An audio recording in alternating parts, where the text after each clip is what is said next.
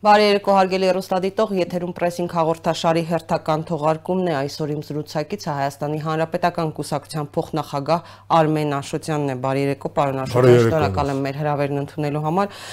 Պարոն Աշոտյան, այսօր Նիկոլ Փաշինյանը հայտարարեց, որ Հայաստանում համաճարակային վիճակն ավելի վատ թարացել է եւ ինչպես հայտնի է, ռեկորդային թվով վարակակիրներ կան հաստատված դեպքեր 697-ը եւ 10 15 մահ նա ասաց, որ մենք մի իրավիճակում ենք, որ Հայաստանի առողջապահական համակարգն այլևս չի դիմանում, կան հոսպիտալացման կարիք ունեցող մարդիկ, բայց որոնք չեն կարողանում ժամանակին հոսպիտալացնել, մենք հասել ենք այս եզրին, մեր առողջապահական համակարգը ճկռում է արդեն իրավիճակն ինչու նման զարգացում ունեցավ պարոն Աշոտյան, ինչու դարձավ իրավիճակը այսքան ծայրահեղ։ Շնորհակալ եմ հրավերի համար, նախ ուզում եմ ցավակցություններս բերել արդեն երկու առից ավել զոհերի մահվան դեպքերով հարազատներ, ծնողներ, բարեկամներ եւ ընկերներ կորցրած մեր հայրենակիցների ընտանիքներին եւ առողջություն մաղթելու շուտ ապույտ ապակինում հիվանդներին գիտեք ես չեմ ուզում որպեսի տպավորություն ստեղծվի որ բավոր ասում էինք բայց այդպես է Մենք դեռ փետրվարի վերջին ասում էինք։ Մենք ասում էինք Նիկոլ Փաշինյան թող այդ քո ակարոզարշավը հիշիր, որ կա գլոբալ աշխարհին նետված մարտահրավեր եւ գնաս զբաղվի քո գործով։ Իրականում Հայաստանում 4 փուլ է այս կորոնավիրուսի 4 փուլ է։ Փուլ համար առաջին Նիկոլ Փաշինյանը թեպետ հունվարի վերջին ֆորմալ ստեղծել էր վիրուսի դեմ պայքարի հանձնաժողով կառավարական, որը ոչ մի բան այդպես էլ չարեց, դրա փոխարեն ինքը զբաղվում էր հանրակրվեով։ Սա առաջի փուլն էր։ Նիկոլը փրկում էր իր հանրակրվեն։ Նիկոլը ուզում էր ամրացնել իր իշխանությունը։ Հիշեք սա։ Սա ընդամենը 3 ամիս առաջ էր։ Դրանից հետո, երբ որ իրավիճակը ահագնացավ եւ նա ստիպված առերեսվեց իրավիճակին, ուշացումով մտավ արտակարգ դերության ռեժիմը։ Նիկոլը փորձում էր պայքարել վիրուսի դեմ, մենք բոլորս մտանք առողջության պահպանման փրկության փուլ։ Դրանից հետո նա փորձեց փրկել տնտեսությունը եւ շատ արագ հանեցին, այդպես ասած, բոլոր սահմանափակումները։ Մենք ունիկալ երկիր էինք, մեր մոտ արտակարգ դերություններ արտանք առանց արտակարգ միջոցառումների։ Ֆինվան բան չկար այլևս։ Նա փորձում էր փրկել տնտեսությունը, իսկ հիմա նա փորձում է փրկել իր իշխանությունը, սա 4-րդ փուլն է։ Սա այլևս 4-րդ փուլն է։ Այսինքն այս փուլերով ամեն փուլում Նիկոլ Փաշինյանը ապացուցում էր, որ ինքը իր թիմը համարժեք չեն Հայաստանին նետված մարտահրավերներին։ Իրենք վաղուց համարժեք չէին կորոնավիրուսը ընդհանրապես մերկացրեց, տկլորացրեց իրանց ապիկարությունը եւ ոչ այսինքն այն կարծիքների հետ, որ ով էլ լիներ Նիկոլ Փաշինյանի եւ կամ Արսեն Թորոսյանի փոխարեն, այս նույն պատկերներին կունենալու։ Իհարկե ոչ, իհարկե ոչ։ Սա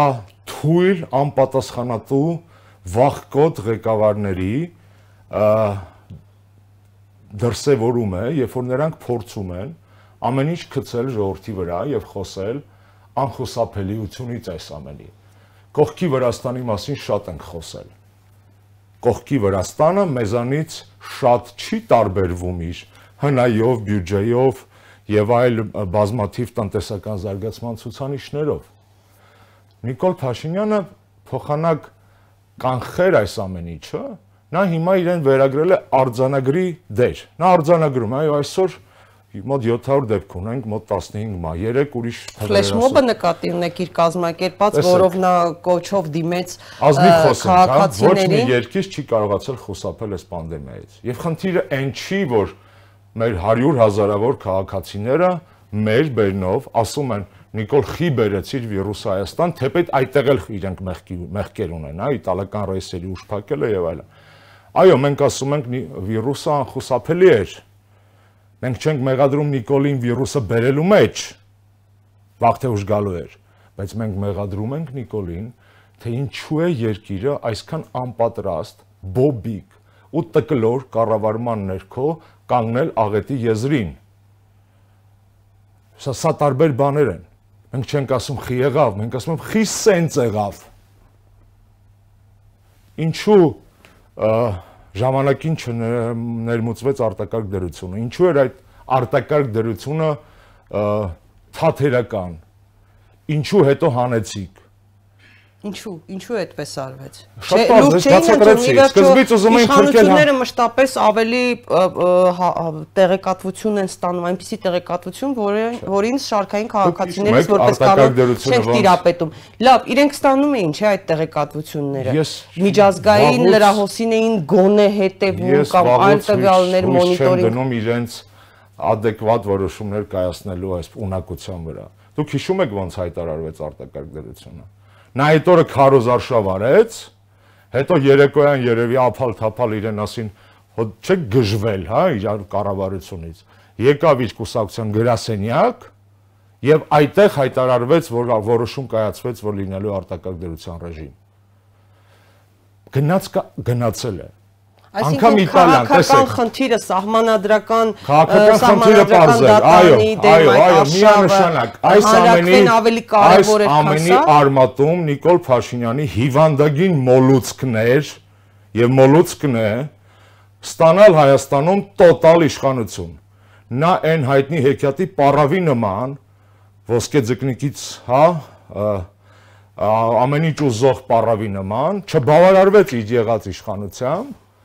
եւ միջևերջ ուզում էր էլի իշխանություն։ Հիշում ենք այդ հեքիաթի ավարտը, բայց ես չեմ չարախնդում, որովհետեւ իր ապիկարության ու կիսագրագիտության կառավարության զոհերը մենք ենք։ Մենք ենք։ Մենք ենք վճարում իր տգիտության, մեծամտության, իշխանական մոլուցքի գինը, իրեն էլ առողջություն, բնականաբար իր ընտանիքին էլ։ Բայց այդ կորոնավիրուսային տեստը իր համար փրկվելու վահան լինել չի կարող։ Չեք հավատում, որ իսկապես վիրուսակիր են, վարակակիր են։ Շատ վատ հարց է։ Այս մենք այս հարցը չպետք է ունենայինք, ոչ թե ես ու դուք, այլ հանրային դիսկուսի մեջ, հա։ Որովհետև այդ հարցը կա, շատերը չեն հավատում։ Բոն Բորիս Ջոնսոնը հիվանդացավ, ոչ մեկ չկասկածեց։ Միշուստինը հիվանդացավ, ոչ ոք չկասկածեց։ Այս ո՞նց է մենք մեր ալամ աշխարհի սիրված ու լեգիտիմ վարչապետի վրա հարությունը ժողովուրդը կասկածում է հիվանդ է թե չէ։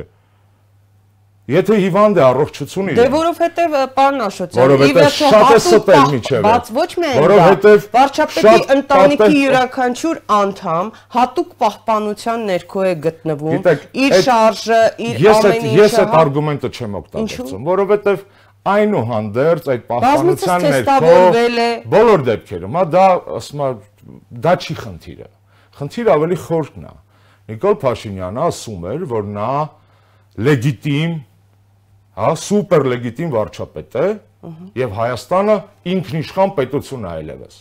Ուրեմն դառը ճշմարտություն։ Ինչի՞ եք ասում Նիկոլ Փաշինյանն ասում է, դուք չեք ընդունում, որ լեգիտիմ վարչապետ է։ ճշմարտություն բացեմ։ Նիկոլ Փաշինյանը այլևս լեգիտիմ չէ։ Ասեմ դες ինչու։ Լեգիտիմ է այն իշխանությունը, որը ունի ժողովրդական աջակցության որոշակի կայուն ու բարձր մակարդակ, ճիշտ է։ Այն իշխանությունը, որին ժողովուրդը լսում է։ Մեր վարչապետը իրեն էս երկու շաբաթ է տեսնելով, որ բանը բանից գնացել է իր իսկ պատճառով, հիմա մեղքը գցում է ժողովրդի վրա, հա, ոնց որ առաջ Սերժի վրա ու հանրապետականների վրա, հիմա ժողովրդի վրա է գցում մեղքը։ Ի ժողովրդի իրեն չի լսում։ Մենք ունենք իշխանություն, որին ժողովուրդը չի լսում, սրանից ավելի մեծ ապա լեգիտիմացման տեսարան, փաստ ես չգիտեմ։ Եվ Հայաստանը այլևս ինքնիշխան չէ, գիտեք խի։ Որտեւ ինքնիշխանությունը դասական քաղաքագիտության մեջ բնութագրվում է երկու կարևոր առանձնահատկություններով։ Առաջինը երկիրը միջազգային հարաբերություններում իր սեփական շահերով է առաջնորդվում, հա? Այս մասը կա միշտ է եղել, հիմա մի քիչ ավելի թույլացել է բայց դա չեմ ասում։ Եվ երկրորդ ցուցանիշը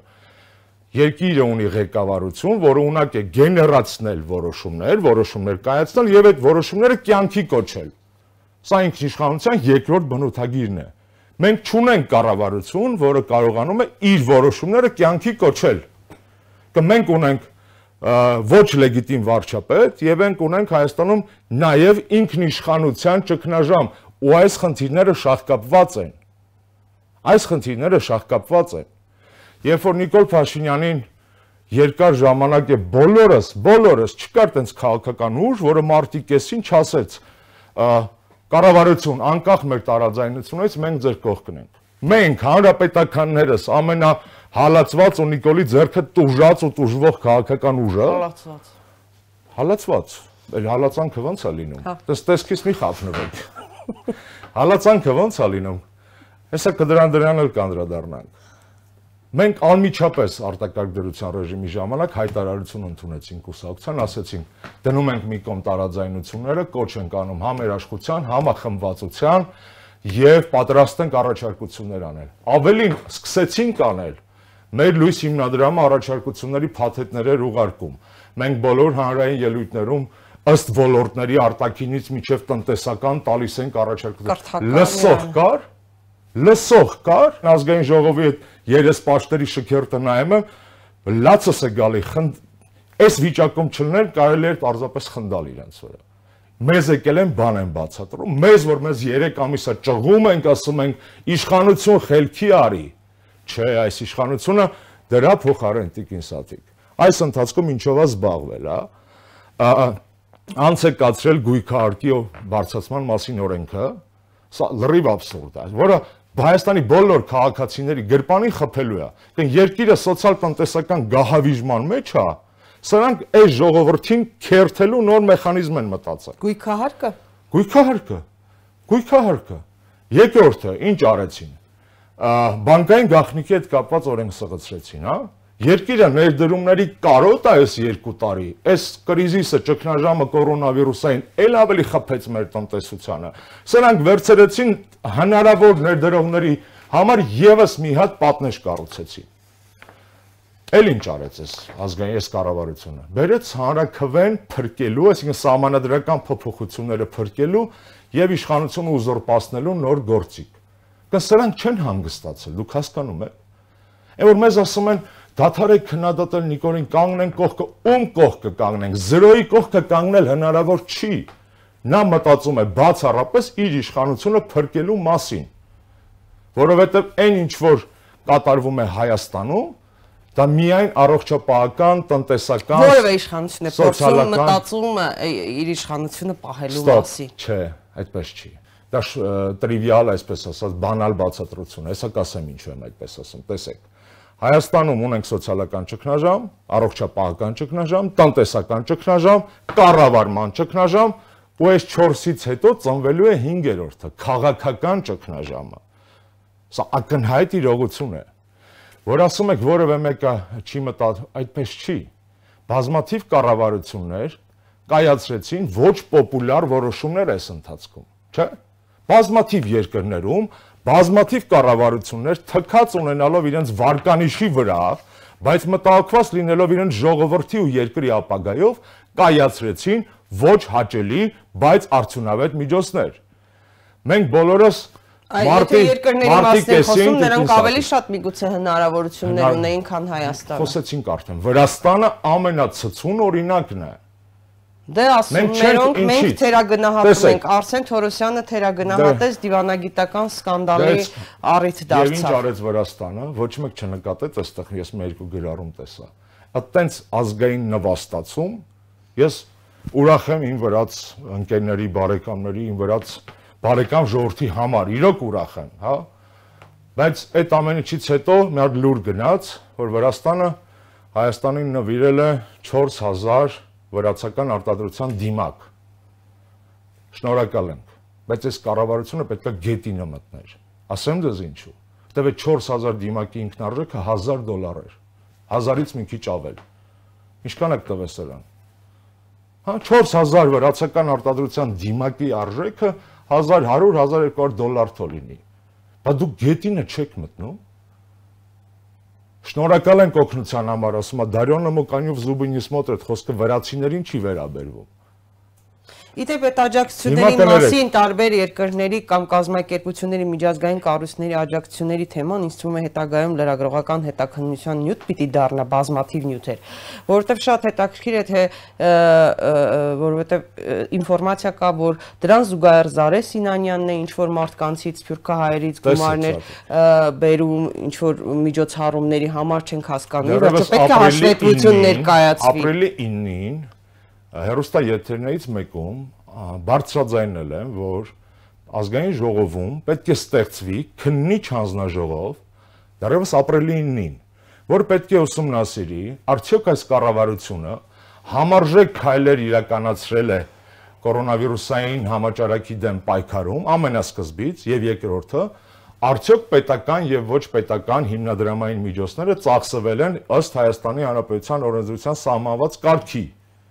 այստեղ դա այնքան վատ է վիճակը հիմա երկրում, որ չեմ էլ ուզում կոռուպցիայի մասին խոսամ, չեմ ուզում խոսամ իրանց աշխատած փողերի հնարավոր ատկատների, չեմ ուզում իրենց ալնել։ Սա ինչու եմ ասում, Սինանյանը հիմա ուրիշ բանի մեջ է։ Երեք ահազանգել էին սիրիահայերը։ Ես տեսել եմ։ Մարդիկ խնդիրներ ունեն, խզանգարել են խմբագրություն, շուտով կներկայացնենք։ Մարդիկ բոլորովին անտեսված են, որտեղ է հանձնակատարը Սփյուռքի Սինանյանը, ուր է։ Մարտի կեսին հիշում եք, երբ որ ամենածանր վիճակը Իտալիայում էր։ Այո։ Երբ որ Հայաստանում նոր մտավ արտակարգ դերություն, ամենածանր վիճակը Իտալիայում էր։ Երեք Իտալիայի վարչապետը հայտարարել է, որ այլևս երկիրը բաց է եվրոպական տուրիստների համար եւ իրենց մոտ ճգնաժամը ավարտվում է։ Իսկ մեզ մոտ մենք ունիկալ կառավարություն ունենք։ Մենք ունենք կառավարություն, որը որի աշխատանքի շնորհիվ ճգնաժամը ել ավելի է խորացել արտակարգ դերության ժամանակ Մենք սա նոնսենս է։ եթե մարտի կեսին բոլոր ասում ենք, մենք բոլորս Իտալիա ենք, ի համերաշխություն կարեկցանք, հա, իտալացիներին։ Արդեն աշխարհը հիմա ցավոք սրտի ասելու է, մենք բոլորս Հայաստան ենք։ Հայաստանի Հայաստանից եկած 3 վերջին առիթները գիտեք միջազգային լրահոսում հայտնվելու։ Մեկը մյուսից խայտարակ։ Ես մոնիտորինգ եմ անում, հա։ Հայաստանի մասին միջազգային ԶԼՄ-ները ինչի շուրջ են գրում Վերջի 3 առաջինը սև ցուցակ, սա վերջինն էր։ Այո։ Երկրորդը կորոնավիրուսային ճգնաժամ, հա, Euronews-ն է արդեն խոսում դրա մասին, եւ երրորդը ԱԺ-ի ծեցկրտուկը։ Դեռ թեմա է դա Չէ, բայց դա այդ պահին եղավ, այսինքն վերջի 3 հա։ թեմաները եղել են ԱԺ ծեծ ու ջարդը, եղել է կորոնավիրուսային ճգնաժամը եւ ԵՄ սև ցուցակը։ Այս է այս իշխանությունների ներդրումը երկրի իմիջի զարգացման մեջ։ Հիմա արժեն, որ իրար տփում, ծեծում, ինչ ասես չեր անում, քֆուր քյաֆարը կապել էր, իշխանությունը մեզ փորձում է բարոյականության դասեր տալ։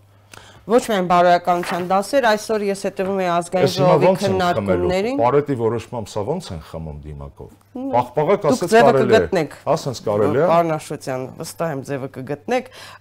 Ուրեմն այսօր ազգային ժողովի նիստն էի նիստին էի հետևում եւ այնտեղ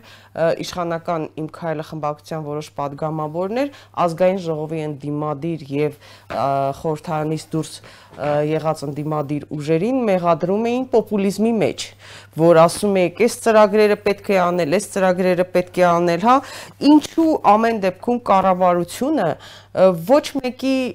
կարծիքին տեղ չտվեց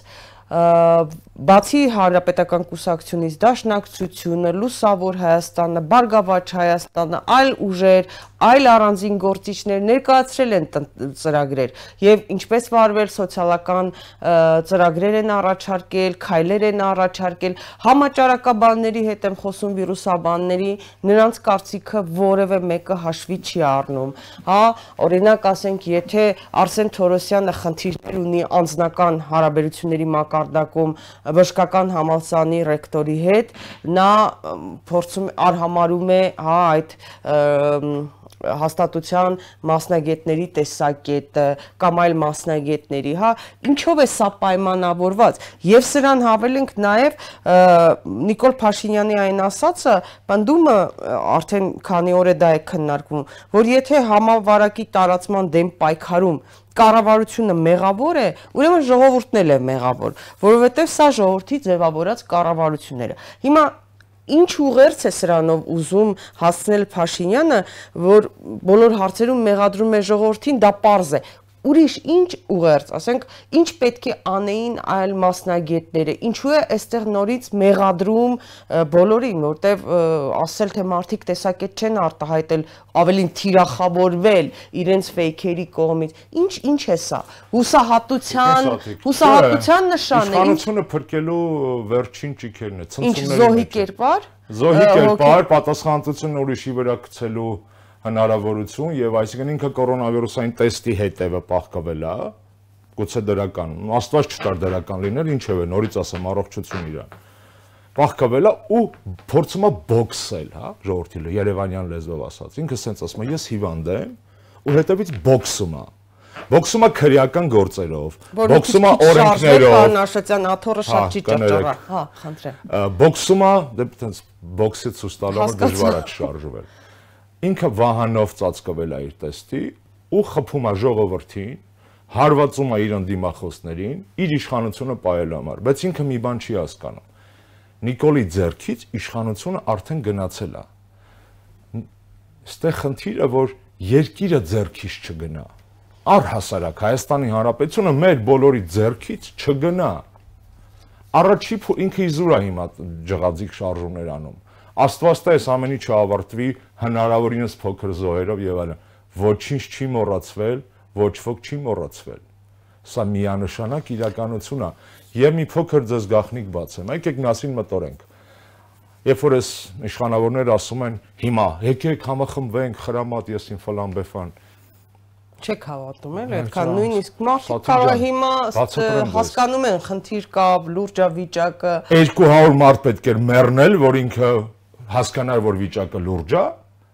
12000 մարդ պետք է մենք ունենայինք հիվանդես պահին, որի հասկանա, որ վիճակը լուրջ է, ինչով է տարբերվում ինքը այդ դեպքում որպես վարչապետ իր պատասխանատվությամբ ինտելեկտուալ հասկացություններով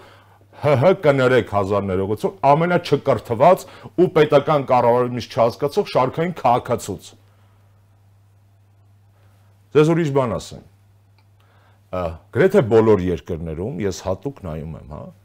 գրեթե բոլոր երկրներում պանդեմիայի ժամանակ գործող իշխանությունների վարկանիշը բարձանում է։ Հա, ինչի։ Սա էֆեկտ է, հետաքրքիր էֆեկտ է, ուսումնասիրված էֆեկտ է, որովհետև առաջանում է կրիզիսային մենեջմենթի իրար թեփթիկուն կանգնելու, հա, տենց դրոշի շուրջ համախմբվելու մղում։ Այն ինչ որ ընդդիմությունը գոնե արտախորհրդարանական ցույց տվեց եւ գուցե նաեւ խորհրդարանական ցույց տվեց ճգնաժամի առաջի օրերին, մարտին, մարտի սկզբին, դրոշի շուրջ համախմբվելու։ Երբ որ մենք գնացինք դրոշի շուրջ, սկսեցինք առաջարկություններ անել, համերաշխություն, խորհուրդներ տալ եւ այլն, սրանք մեզ սկսեցին մեջքից խփել քրեական գործեր, հետապնդումներ, ազատությունից կխոսենք։ Հեսա կխոսենք, ես դրա մասին չեմ ակնարկում։ Ես հասկացել եմ ինչու Հայաստանում այդ համախմբումը չեղավ։ 4 պատճառ կա։ Առաջինը, մենք աննախադեպ պարակտված մտանք ճգնաժամի մեջ, հա? Մենք պարակտված մտանք, այո։ բաժանված։ Երկրորդը, ճգնաժամի ընթացքում, պանդեմիկ ճգնաժամի ընթացքում Նիկոլը մեզ ավելի պարակտեց, հա? Սամասուդներով եւ այլն, հա? Նա մեզ պարակտեց։ Երրորդը, ինքը անձամբ լուրջ չէր վերաբերվում այս համավարակին, հա? Անկամ 3 զավեշտ ասեց, հա, որ անգամ համավարակի ժամանակ ավելի քիչ մարդ է մահանում Հայաստանում այս ժամանակահատվածում, քան անցյալ տարի։ Այսինքն նա մի կողմից փորձում է պայքարել, մյուս կողմից մարդկանց ցույց է տալի, որ անգամ ինքը լուրջ չի ընդունում։ Դա եղել է բառացիորեն 3, չէ՞։ Այո, 3 քննարկման թեմա էր։ Քաղաքացին պետություն չտեսավ այս ընթացքում։ Քաղաքացուն ամենասկզբից թողեցին իր, այսպես ասած, ճակատագրի հետ դեմ հանդիման սոցիալական, տնտեսական, բարոյական օգնություն քաղաքացին չտեսավ, ինչի շուրջ համախմբվի։ Այն մարդը, որը պարակտեց, ընթացքում շարունակեց պարակտել, օգնության ձեռք չմեկնեց ու ինքն էլ կայֆավատա լինում է կորոնավիրուսի վրա բարբերաբար, Պարոն Աշոտյան, կարծիքներ են հնչում, որ Հայաստանը պետք է դիմի իր միջազգային գործընկերներին օգնության խնդրանքով։ Դուք կարծում եք, պետք է արդեն եկել է դրա ժամանակը եւ կանի արդյոք այս կառավարությունը։ Տեսեք, ես դեռևս ամսուկես առաջ եմ ասել, որ Հայաստանը պետք է դիմի, ամսուկես առաջ, հա։ Էնպես չի ես Վանգան եմ կամ ինչ որ մեկը ով այլ կանխատեսում էր անում Վանգան է կամ Նաստրադամուսն է։ Չէ, տղերք, կարդալ, հաշվել, մտածել, անալիզ անել, կանխատեսելու հատկություն բան կա, բան կա տես մարդկության մոտ, հա, եթե դուք չունեք, իմացեք։ Դեռևս ամսուկես առաջ ասել են, որ Ժողովուրդ ջան, դիմեք Չինաստանին, Չինաստանին։ Ու իհարկե կարևոր է IVL-ը, դիմակը, դեղորայքը, բայց դիմեք Չինաստանին արագ, թողարկեն մասնագետներ առողջապահության կազմակերպման հետ կապված։ ՄԱԿ-ի հետ կապված է։ ՄԱԿ-ի հետ կապված ուրիշ առաջարկ էր այդ պանդեմիկ զինադատարի հետ կապված մարտի 15-16-ին բան եմ ասում Զորիկը Որանի արտգործնախարարը չեն անում, որովհետև մենք ենք ասում, հետո ռուսները ՄԱԿ-ի գլխավոր քարտուղարը դա անում են։ Վերադառնանք ասածից։ Դեռևս ամսուկես առաջ պետք էր հրավիրել Չին մասնագետներին կամ որևէ այլ հաղթարած երկրի։ Խի եմ ասում Չին, որովհետև այդ ժամանակ չինացիներն էին հաղթարել, հա։ Կանչել ասել Տղերք սովորացրեք մեզ առողջապահության կազմակերպում այս էքստրեմալ պայմաններում ինչպես է լինում։ Տրեյնինգներ անենք բժիշկների համար, կառավարչական հմտություններ զարգացնենք եւ այլն։ Այն որ առողջապահական ձեռնարկությունները, հիմնարկները կոլապսի մեջ են, մի քանի օր հայտնի էր։ Նիկոլը դա ստիպված է ասել, որտեղ արդեն քաղաքում բերն է բերան, փոխանցվում են իրական պատմություններ, թե ինչպես են մարդիկ տաներում մեռնում թե ինչպես են մարկանց հասցնում հիվանդանոց, բայց ժամերով ազատ բժիշկ չկա, որ մոտենա։ Հայաստան։ Այո, Հայաստանում։ Այո, այո։ Իմ քույրը բժշկուհի է մարզային հիվանդանոցում։ Մենք շաբաթներով իրեն չենք տեսնում։ Շաբաթներով չենք տեսնում ինքը այնտեղ էլ մնացել է այդ մարզում։ Իդեպ մարզային հիվանդանոցներից բոլոր շնչառական սարքերը բերեցին Թորոսյանը բերեց Երևան։ Այնտեղ ունեն քննարկել, տեսեք, ես փորձում եմ, որովհետև շնչառական սարքերի էֆեկտիվությունը միջև հիմա քննարկվում է, հա։ Ես ունեմ տեղեկություններ, որոնք ստույգ չեն, որ Հայաստանում շնչառական սարքերին միացված բայց այնուհանդերձ մահացած մարդկանց տոկոսը բավականին բարձր է խնդրեմ ձեզ դիմեք առողջապահության նախարարություն, թող ձեզ տան վիճակագրություն։ Ես այդպիսի բաներ եմ լսում տարբեր հիվանդանոցներից։ Ահա դրա համար նաև միջազգային որոշակի հետազոտություններ կան, որոնք դրա մասին են խոսում։ Այս ամենի համատեքստում այսօր ինչա պետք անել, հա։ Մենք չեմ ուզում որ մենք խոսենք, այսօր մի բան է պետք անել, փոխել ղեկավարությունը ու խնդիրը այն չի որ իրենք ուզում են իշխանություն։ Արթուր Վանդեցյանն էլ է կոչ Մենք վաղուց ենք դա անում։ Մենք միջև Արթուր Վանդեցյանն ենք դա անում, մենք դա անում ենք միջև համաճարակ, որովհետև գիտենք որ այսպես է։ Նիկոլ Փաշինյանը հրաժարական կտա։ Չէ, Նիկոլ Փաշինյանը շատ է սիրում իր իշխանությունը, կարծում եմ հրաժարական չի տա, բայց ես իրեն հիմա չելենջ եմ անում, հա, ինքը սիրում է, չէ՞, ազգային ժողովի դեպքը հիշում եք։ Ֆլեշ մոբել է սիրում։ Հա, տենց ֆիրմա բարերով շատ բան է սիրում, բայց ես հիմա ուրիշ բան եմ ուզում ասել։ Ա հիշում եք ազգային ժողովում ծեծ կրտուկից հետո ասացին մերոնք մանդատը վայր կդնեն, եթե լուսավորի երեքը մանդատը վայր դրեն, ես իրեն ուրիշ առաջարկ եմ անում։ Եթե Նիկոլ Փաշինյանը այս մեկ շաբաթվա ընթացքում հոժարակամ հրաժարական տվեց, ես ձեզ խոստանում եմ դուրս գալ քաղաքականությունից։ Եթե Նիկոլ Փաշինյանը մոտակա 10 օրվա ընթացքում հրաժարական տվեց, ես ձեզ խոսք եմ տալիս, որևէ պետական պաշտոնի երբեք չհավակնեմ ու չմտածեք, որ ես անհամարժեք բաներ եմ ասում, որովհետև տիպը Նիկոլը վարչապետ է, ես էլ գործազուրկ նախկին պաշտոնյա։ Չէ, Նիկոլը գահավիժում է, իսկ իմ շանսերը հասնելու նորից իշխանության ավելի մեծ է, քան իրը պահպանելու։ Այդ չելենջը առաջարկեցիք, որովհետև վստահ եք, որ բան չի անի, հրաժարական չի տա։ Ձեզ քաղաքականությունը առաջարկեցի հետեւյալը, եթե ինքը ժողովրդին ասում է, որ եթե ես չլինեմ Աշոտյանն է գալու, Աշոտյանն ասում է դուրս արի, ես էլ եմ դուրս գալու։ Պարոն Աշոտյան, այդ նույնն է ոնց որ ձեզ ու ձեր եւ Նիկոլ Փաշինյանի ձեռքից Facebook-ը վերցնեն։ Իդեպ դուք եք ավելի շատ ժամանակ անցկացնում Facebook-ում, թե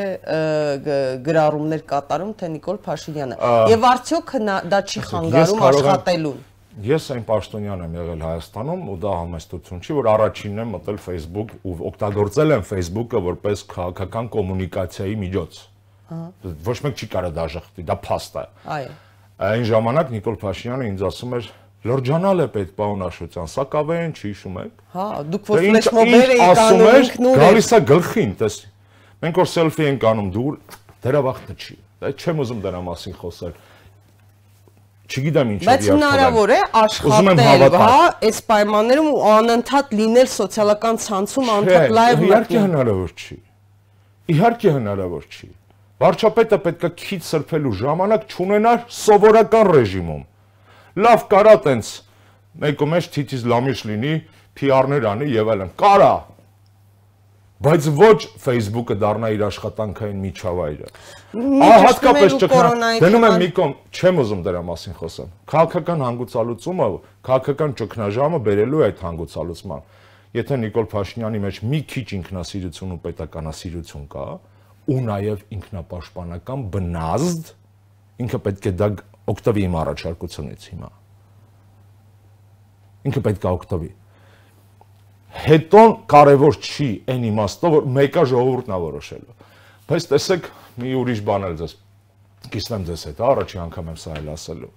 Նիկոլ Փաշյանը մուննաթ է գալի ժողովրդի վրա, հա, ասում է, ու դուք այն ժամանակ ինձ օգնեցիք 18 թվականին։ Ինձ լսում եք, հիմա չեք լսում։ Մի փոքր գախնիկ բացեմ Նիկոլ Փաշինյանին։ 18 թվականի իշխանապողության process-ը, մեխանիկան ինչ էր։ Դրթել քաղաքացիներին, խախտել օրենքներ։ Ճիշտ է։ Դասադուլանել, գործադուլանել, փողոց փակել եւ այլն։ Այսինքն Նիկոլ Փաշինյանը այն ժամանակ ժողովրդին դրթեց ու համոզեց, ժողովուրդ ջան, եկեք կարգ ու կանոնը խախտենք, օրենքները խախտենք։ Հիմա նա ժողովրդից հակառակն է պահանջում։ Նա ասում է եկեք օրենքները պահենք Դրա համար ժողովուրդը իրան չի հասկանում։ Ոնց կարա նույն մարդը երկու տարի առաջ ասի եկեք խախտենք լավ լինի, իմ ասում է եկեք պահենք լավ լինի։ Իդեպ ինքն այդ ջինը դուս հանել մարդկանց մեջից նաև, հա։ Ոստիկանին Ոստիկանին, այո, պետական պաշտոնյաների նկատմամբ ասենց Սամոնը Բերյանը լայվով խոսելուց ի պարա ոնց կարաս չանես լիքը դեպքեր կային, չէ՞, 1.5 տարվա մեջ։ Սիրտս հոգիս փառավորվեց եւ այլն, տարբեր տարիների։ Բազմաթիվ դեպքեր կան։ Դեպքեր։ Ես զարմանում, ընկեր Փաշինյան, դու պետականասիրություն չես դաստիարակել ես մարդկանց մեջ։ Դու էգոցենտրիզմ ես դաստիարակել։ Դու սեփական օրինակով ցույց ես տվել, թե ինչպես կարելի է թքած ունենալով օրենքների ու պետության ու արժեքների վրա առաջ գնալ։ Դե հիմա բազմաթիվ մարդիկ էլ կարող է այդ մոդելն են ընտրել իրենց համար։ Պարոն Աշոտյան, Նիկոլ Փաշինյանը երեք ասել է, որ սա կարգու կանոնի խնդիր է եւ ասում է, ես որ հաղորդակցությունով խոսքով վարչապետ եմ դարձել, հիմա պետք է սպեցնազը հանեմ ու ծեծու ջարդ հանեմ, հա, ժողովրդի մեջ։ Իջևանում երևի լուսահոգի պապս էր հանել սպեցնազը ծեծել ժողովրդին, հա։ Հենց չի որ ինքը չի հանել սպեցնազ։ Դաշնակցական երեխեքին երևի բաններ հանել։ Ուրիշ կուլտուրայով եմ եկել ասում։ Էրդողանն էր ուղարկե երևի դաշնակցական ջահելներին կգնեի մոտից քաշ տալով անամը չպտանելու։ Ինքը վախում է հիմա ուշ կիրառի։ Պարզ չի։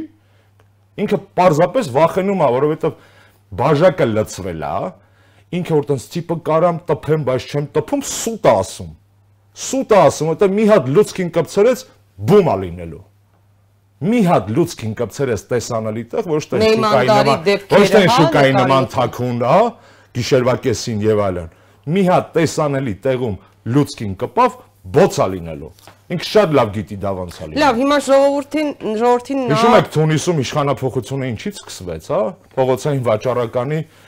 նկատմամբ պետության կողմից գործադրված բռնությունից։ Նիկոլ Փաշինյանը բոլորին կոչ արեց միանալ իր կազմակերպած ֆլեշմոբին, նկարել համաճարակային կանոնների խախտման դեպքերն ու հանրայնացնել, հա, դրանք լուսանկարել, վիդեո անել, տեղադրել, ուղարկել իր էջին Facebook-յան։ Հիմա սա արդյոք չի վկայում, որ նա չի տիրապետում իրավիճակին։ Մյուս կողմից քաղաքացին ինչպես վարի մարդը։ Հիմա նստի տանը մեկուսանա, թե լուսանկարներ ապահովի Նիկոլ Փաշինյանի համար։ Չեմ հասկանում, քաղաքացին ինչպես վարվի։ Շատ անկես խոսենք, քաղաքացին պետք է անի հետևյալը։ Քաղաքացին պետք է հետևի կարգու կանոնին, իրականում դիմակ, սոցիալական, դա պետք է անի։ Բայց դա չպետք է անի մեղքի զգացումը իր պարանոցի վրա, որ արա ես եմ հասցրել երկիրը այս վիճակին, չէ։ Ժորժան, դուք չեք հասցրել երկիրը այս վիճակին այս վիճակին այս երկիրը հասել է այս կառավարությունը բայց դուք մենք բոլորս տեսեք ահա որ անհարմար է խոսել հա ես էլ րոպե մեկ դզում եմ իմ ռազմերը չի երևի դե կներեք բայց պետք է չէ հենց դա եմ ասում այդ ամեն ինչը պետքա պահել դիմակ ձերքերի մաքրություն սոցիալական դիստանցիա բայց ոչ որպես մեղքի զգացում Դա մեղքը էս վիճակի էս կառավարության վրա է։ Մենք դա անում ենք ժողովուրդ ջան, մեր համար, մեր բարեկամների, մեր հարազատների, երեխեքի ծնողների առողջության համար։ Այդ մասը ճիշտ է, բայց սխալ է այն մասը, որ դուք եք մեղավոր, որ այս 2.5 ամսվա մեջ վերջապես Պարետատունը որոշել է սա պարտադրի։ Սա պետք է պարտադրել մարտի սկզբին։ Նիկոլ Փաշինյանը, եթե ձեր իշխանության օրոք լիներ այս համավարակը նման բանով եւ ինչ քննադատության կարժանանայի։ Չեմ ուզում, չեմ չեմ սիրում այդ եղանակային ձևը, հա ինչ կլիներ եթե, հա, չեմ խոսել։ Նիկոլ Փաշինյանի կինը Աննա Հակոբյանը կարծես դիմադիրների մասին է ասում, որ վերջին հարցազրույցում անդրադարձել էր դիմադիրներին, մեջբերում եմ նրա խոսքը. Տեսնում եմ, որ իդով մեր վարակված լինելու փաստի առիթով Facebook-յան կառավարվող խմբերը կրկին այնպիսի մտնոլորտ են ստեղծել, որ մեծ թվով հայ, մեր հայրենակիցների համբերությունը հատում է։ Ուզում եմ այս խմբերը կառավարողներին կրկին կոչ անել. ձեր կյանքի դժվար փուլը կանցնի։ Կարևորը որ այդ ընթացքում պինդ մնաք եւ դժվարությունները արժանապատվորեն տանեք։ Այնինչ տապալվել եք, բարոյական եւ հոգեբանական փլատակների մի վերածվեք ես չեմ ուզում վերցնել ինձ վրա այդ Աննայի ասած, որովհետեւ այդ ասած Աննայի, որովհետեւ ես չունեմ Facebook-յան կառավարելի այսպես ասած զորք, ինչպես իրանք են սիրում ասել, բայց դեղ ուրիշ հետաքրքիր բան կա։ Միթե Տիկին Հակոբյանը սպառնում է, հա։ Միթե մարդուց խոնավություն է քաշել, հա, մեկը սպեցնազ է ուզում հանի ժողովրդիա, մեկը ասում է խելոք մնացեք, չգիտեմ, տենց բան է ուզում ասի Տիկին Հակոբյանը։ Իմ ընտանիքը իմ օրինակով կարող եմ ասել, որ մենք ծանր ժամանակներ ունեցել ենք հենց իրենց պատճառով։ Երբ որ իր ամուսինը սնում էր ատելությունը, երբ որ իր ամուսինը հանդուրժում էր, որ իր հեղափոխության անվան տակ իմ իմ ընկերների, հարազատների, բարեկամների նկատմամբ հալածանքներ, հայոյանքներ ու վիրավորանքներ լինեին։ Տագաղներ, ծաղկեպսակներ չեմ ուզում ասել շատը։ Նրանք ոչ միայն դա չդատապարտեցին, այլ փաստորեն հələ մի հատ էլ նորից վախեցնում է, բայց մենք պատվով անցանք այդ փուլը։ Հիմա մեզ համար չի ծանր վիճակ։ Հիմա երկրի համար է ծանր վիճակ։ Ու լավ չի, որ Տիկին Հակոբյանը դա չի հասկանում։ Իսկ եթե անձնական դաշտ ենք տեղափոխում, ելի մեզ համար չի ծանր վիճակ, իրենց համար է ծանր վիճակ։ Մենք հաղթարել ենք այդ ծանր վիճակը, տարոսը իրենց։ Կարող են ձեռքս դնել իր ամուսնու գլխին, ասեմ տարոսը քեզ ընկեր, դու էլ հաղթարիր այս ծանր վիճակը ու բարոյական փլատակների մասին չխոսենք, որովհետև համենայն դեպս ինձ հայտնի չեն դեպքեր, երբ որ Տիկին Հակոբյանը այդ սարսափից հետո զանգի օրինակ Արփինե Հովանեսյանին ասի Արփի ջան կներես։ Ինձ հայտնի չի դեպքեր, որ Տիկին Հակոբյանը զանգի իմ կնոջ ասի կներես Լուսինե։ Ինձ հայտնի չեն դեպքեր, որ Տիկին Հակոբյանը զանգի Շուշանին ասի կներես, կին կին, հա, տեսեք չեմ մտնում քաղաքականություն։ Ինձ հայտնի չեն դեպքեր, երբ որ Տիկին Հակոբյանը իր կանացի համերաշխություն է հայտնել այս ընթացքում իրենց ընտանիքի պատճառով, իրեն իր ամուսնու պատճառով Հայաստանում ատելության ճումայի, այսպես ասած, համաճարակի դեմ հայտնի չեն դեպքեր։ Եթե սխալվում եմ, կներեք Տիկին Հակոբյան, գուցե զանգել եք Արփինեին, Շուշանին, Մարգարիտին Եսայան, Նաիրա Զորաբյանին, Սաթիկ Սեյրանյանին, Արմինե Օհանյանին, հա, տեսեք, ես տղամարդկանց հանում եմ մի կողմ Դուք աղջիկներով խոսել եք մի հատ իրար հետ։ Դուք իրավունք ունեք բարոյական փլատակների մասին խոսելու։ Իսկ ում էր այդ դեպքում ուղված, եթե դուք չեք ընդունում այդ։ Չգիտեմ, բայց լավ առիթեր ասելու են ինչ որ ես մտածում եմ կանչություն։ Կորոնավիրուսի թեման մի մի հարցել այս թեմայով։ Արդյոք մտավախություններ ունեն տարբեր գործիչներ եւ Հրանտ Բագրատյանը, եւ նույնիսկ Վիրաբուժ Արտավար Սահակյաններ իր հարցազրույցում երեք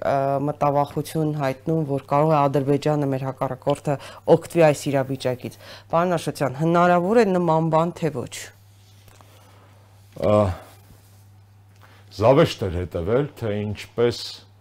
երկիր այս վիճակին հասցրած իշխանությունը փորձում էր մեղադրել Բագրատյանին, որ նա ինչ որ Ալիևին ինչ որ իշմար է տալի իբրա։ Զավեշտ է դա լսել այն իշխանությունից, որի վարչապետը երկրի ստրատեգիական պաշարների մասին հրաապարակավ հայտարարություններ անում կամ մի խոսքով է։ Հա, Նիկոլ Փաշինյանը նկատի ունեք, որ պաշարների շատ է, բոլորիս մոտ էմոցիաները շատ են, արդեն ունենք մեր շրջապատում մարդիկ, որոնք հիվանդ են, նաև ցավոք սրտի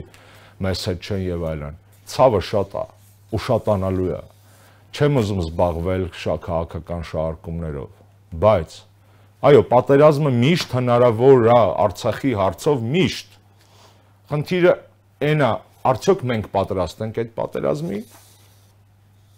հավուր պատշաճի եւ արդյոք այդ պատերազմի մեջ հետո դիվանագիտական առումով կկարողանանք մեր վրա պատերազմի մեղքը չվերցնել անկախ կորոնավիրուսից Հայաստանի բանակցային դիրքերը Արցախի հարցում կտրուկ թույլացել էին. Անկախ կորոնավիրուսից մենք հայտնվել ենք 96 թվականից հետո չլսված իրավիճակում, երբ որ Մինսկի խմբի համանախագահներն են Հայաստանին դեմ հանդիման, հա։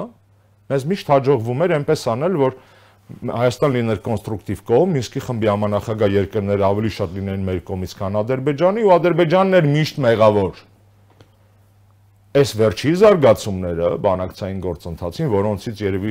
ուշադրությունը շեղվել է արդեն այս կորոնավիրուսի պատճառով, բայց չմոռանանք դա, ճիշտ են անում այդ մարդիկ, երբ որ խոսում են այդ վտանգի մասին։ Ճիշտ են անում, ու խնդիրը այն չի, որ մենք վախեցնում ենք, չէ, խնդիրը այն է, որ սթափվեք ժողովուրդ։ Այս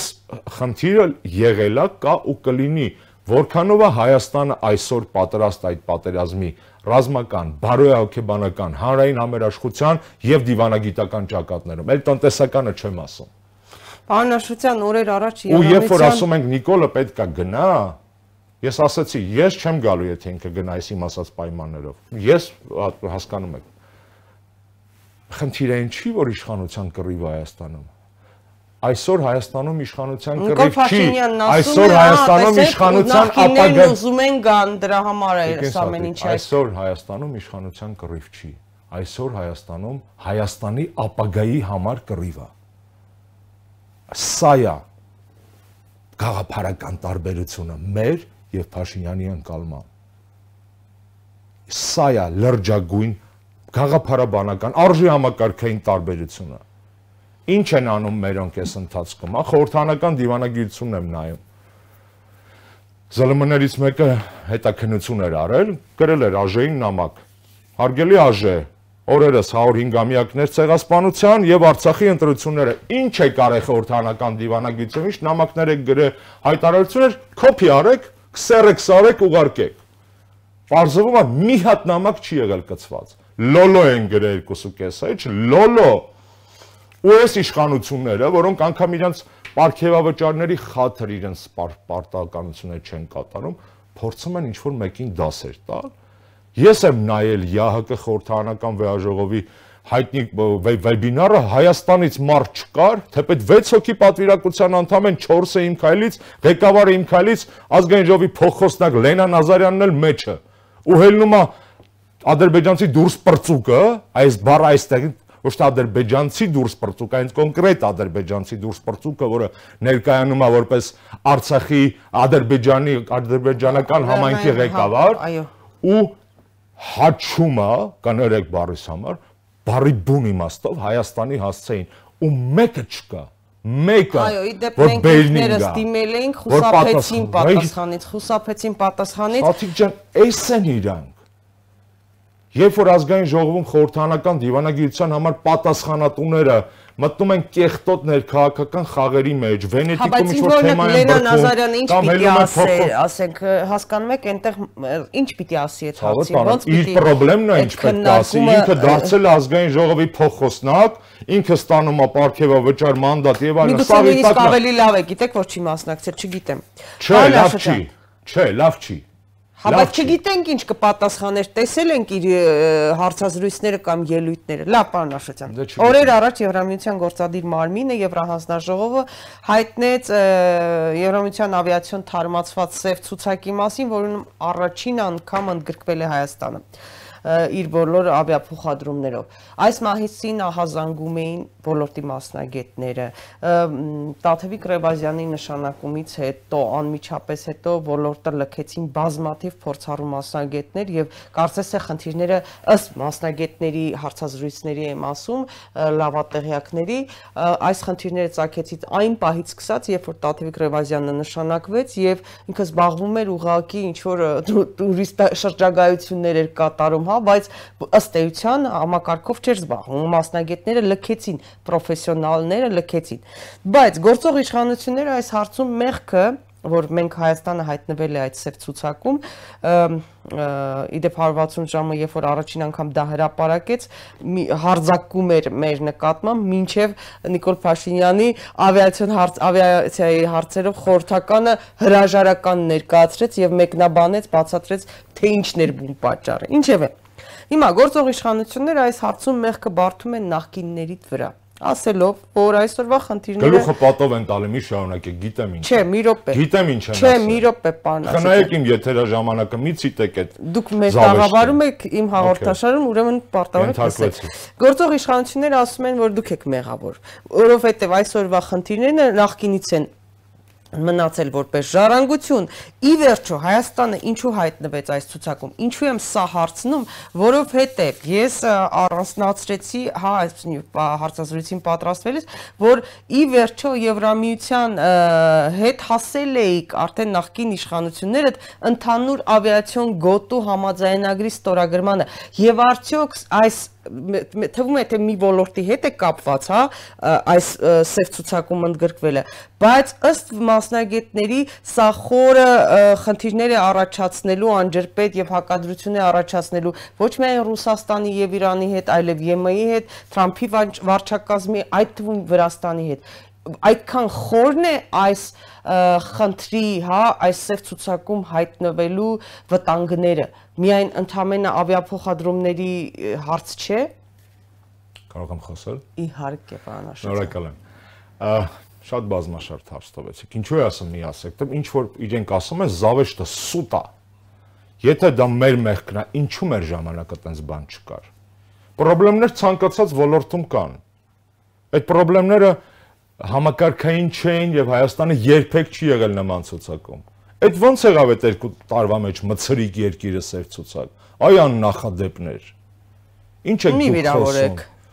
Ну, ինչ է աննախադեպները վիրավորանք, հա։ Դե նույնպես է կարտաբերում, հնչերանգով վիրավորում եք։ Էսել եք դերը, բայց աչքերս խոսուն են։ Հա։ Այ աննախադեպներ։ Էս ինչի եք հասցրել երկիրը։ 17 թվականին պետք էր արդեն հայտարար նախաստորագրվել էր բաց երկնքի մասին, հա, ընդհանուր օթային տարածքի մասին, ԵՄ Հայաստան, մեր օրոք, տղերք։ Ոչ միայն հայտարարվել էր, այլ նաև Տաթևիկ Ռևազյանը ազգային ժողովում դա վերահաստատել էր։ էր դրան։ Համաձայնագիրը պատրաստ էր, Brexit եղավ, այս Brexit-ի պատճառով բաներ կար փոխելու, դրա մեջ է խնդիրը, 2025 կստորագրենք մեր օրոք ստեղծված ընդհանուր օթային տարածքի համաձայնագիրը 220-ին պետք է ստորագրվեն։ Հիմա դուք ինչ եք ասում, որ սև ցուցակը մեր պատճառով է, տղերք։ Դες սուտներ սահման ունի։ Լկտիություններ սահման ունի։ Ոնց կարաք դուք նման բան ասեք, փաստերը խոսում են լրիվ ուրիշ բանի մասին։ Ձեզ պետք է մի բան, ես Տաթևիկին չեմ մեղադրում իդեպ Նա ասաց, որ ես տեղեկացել եմ անցյալ տարի սեպտեմբերին չէ։ Մորեալում Իրան բերողն է մեղավոր։ Իրան բերողն է մեղավոր։ Տաթևիկը ընդհանրեն այս ընթացքում փորձել է աշխատել ոնց որ ամբողջ կառավարությունը, դա որն է, գիտեք, դա որն է։ Դա հետեւյալն է, ոչ մի լուրջ հարցով չենք զբաղվում, ցույց ենք տալիս արագ հեշտ ծախվող արդյունք։ Ryanair 50 եվրո գժական արդյունք է ում էր պետք համակարգային փոփոխությունները, ավիացիոն ոլորտի համակարգային խնդիրները չարայեն է։ Տեսեք, Եվրամիությունը туриզմի զարգացման համար գումար է հատկացել եւ այդ գումարից ի վերջո տվել են որպես սուբսիդիա։ Ես լսեցի։ Այո, ես կարծում եմ։ Եվ հասարակության վրա, այսպես ասած, վաճառում են որպես Ինչ են վաճառում։ Կլուբնիկը բանակում, վաո, ուրա։ Ryanair-ը Հայաստանում, ուրա։ Նույնը կրթության ոլորտում կարող էինք հիշել, հա։ Այս հեշտ ծախվող PR-ները շատ արագ, շատ արագ ծախվում են ու նեղում են։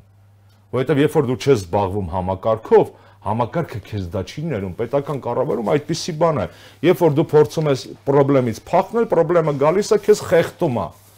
Եվ սա ընդհանուր, համ ես ասացի 4 հիմնական խնդիրներ եմ տեսնում քաղաքական ԵՄ-ի հետ ԵՄ Հայաստան հարաբերությունը սա չի կարող չազդել։ Հիմա այս ծև ցուցակում անդրադառնալու այս հանգամանքը, հա, հարաբերություններ այլ երկրների հետ։ Չէ, շատ նայ, տեսեք։ Ես հա, ուզում եմ օբյեկտիվ նայել։ Հայաստանի անունի հեղինակության հարցը։ Հայաստանի հեղինակության հարցը չի։ Այդ Հայաստանի հեղինակության համար ես ու իմ ընկերները որպես կուսակցություն 30 տարի վիզ ենք դրել։ Պայքարել ենք դրսում, ներսում ամեն ձև այդ թվում Բրյուսելներում, այդ թվում առ այսօր, այտենց ասել Հայաստանի հեղինակության հարցն ոչ մեկին թույլատրված չի։ Այո, Հայաստանի հեղինակության հարցն է, ու դա ավելի լուրջ հարց է, քան ներդրումներն ու տնտեսական աճը։ Հատկապես մեր նման երկրի համար։ Հայտնվել Աֆղանստանի, Ջիբուտիի, Անգոլայի հետ ես ասացի կամ սուպեր աղքատ են այդ երկրները, կամ սուպեր կոռումպացված, հա, կամ սուպեր անկառավարելի քիչ թե շատ մի քիչ բացառությունը բացի Հայաստանից Մոլդովան էր, այն էլ Մոլդովայից 3 ավիաընկերություն թույլատրելված է։ Իսկ Մոլդովան մեր նման տոտալ լոկդաունի մեջ չի, տոտալ բլեքլիստի մեջ չի, 3 ընկերություն թույլ են տալիս։ Այս ուր է հասցրել երկիրը։ Դրանից այն կոմել ինչ կա Էրիտրեա, Սուդան, հա, բոլորս գիտենք ինչ վիճակ այնտեղ։ Ու հանկարծ իմ ասածը որպես կամահրանք այլ պետությունների կամ ազգերի նկատմամբ չընկալեք, National Pride-ի ազգային հպարտության խնդիր աստեղ ուր եք բերել երկիրը ասցրել։ Պարոն Աշոտյան, ինչու Հայաստանի իշխանությունը այդպես էլ չի կարողանում բնականon Կներեք, այստեղ այստեղ այդ նախորդ հարցի մեջ էլ է։ Հիմա թող ինձ պատասխանեն։ Ինձ որպես քաղաքացու, որը ավելի շատ հասկանում, քան իրանք։ Այս ընդհանուր օթային տարածքի պայմանագիրը կնքվելու է, թե չէ։ Որովհետև վնասը ձեր ասած բլեքլիստի նորա սկսում Ես կարծում եմ, վստահ եմ, որ չի կնքվելու։ Անդրադառնալու է ներդրումային միջավայրի վրա, անդրադառնալու է տարբեր երկրների տալիս։ Տղերք, ասում եք 2020-ին կնքվելու է այդ համաձայնագիրը ընդհանուր օթային տարածք Հայաստան Եվրոպա։ Կնքվելու է այս ձեր կերած բողկերից հետո, թե չէ, ուղիղ ասեք ինձ։ Ինչու Եմեն Ուրիշ խնդրեմա ձեզ ասեմ, հաջորդ խնդրեմա։ Կորոնայի COVID-19-ի կապակցությամբ Եվրոմիությունը բազմաթիվ երկրների մեծ աջակցություն ցուցաբերել։ Ինչու Հայաստանին հա, Չէ, տեսեք, պես չի։ Մունատ չգան Եվրոմիության վրա։ Եվրոմիության մասին չդատենք այստեղի դեսպանների վերաբերմունքով այս կառավարության հանդեպ։ Այստեղի դեսպանների նկատելով նաև նախորդի։ Չդատենք։ Դրանք տարբեր բաներ են։ Ես ցավում եմ, եւ ստիպած դեսպանին բաց նամակ եմ ուղարկել, տեսել եք երևի, որ Տիկին դեսպանի գնահատականները Հայաստանի հատկապես ժողովրդավարության, այսպես ասած, այդ բարեփոխումների հետ կապված ամենամեծ վնասն են հասցնում Եվրոպական միության իմիջին Հայաստանում։ Ես եվրոպասեր մարդ եմ։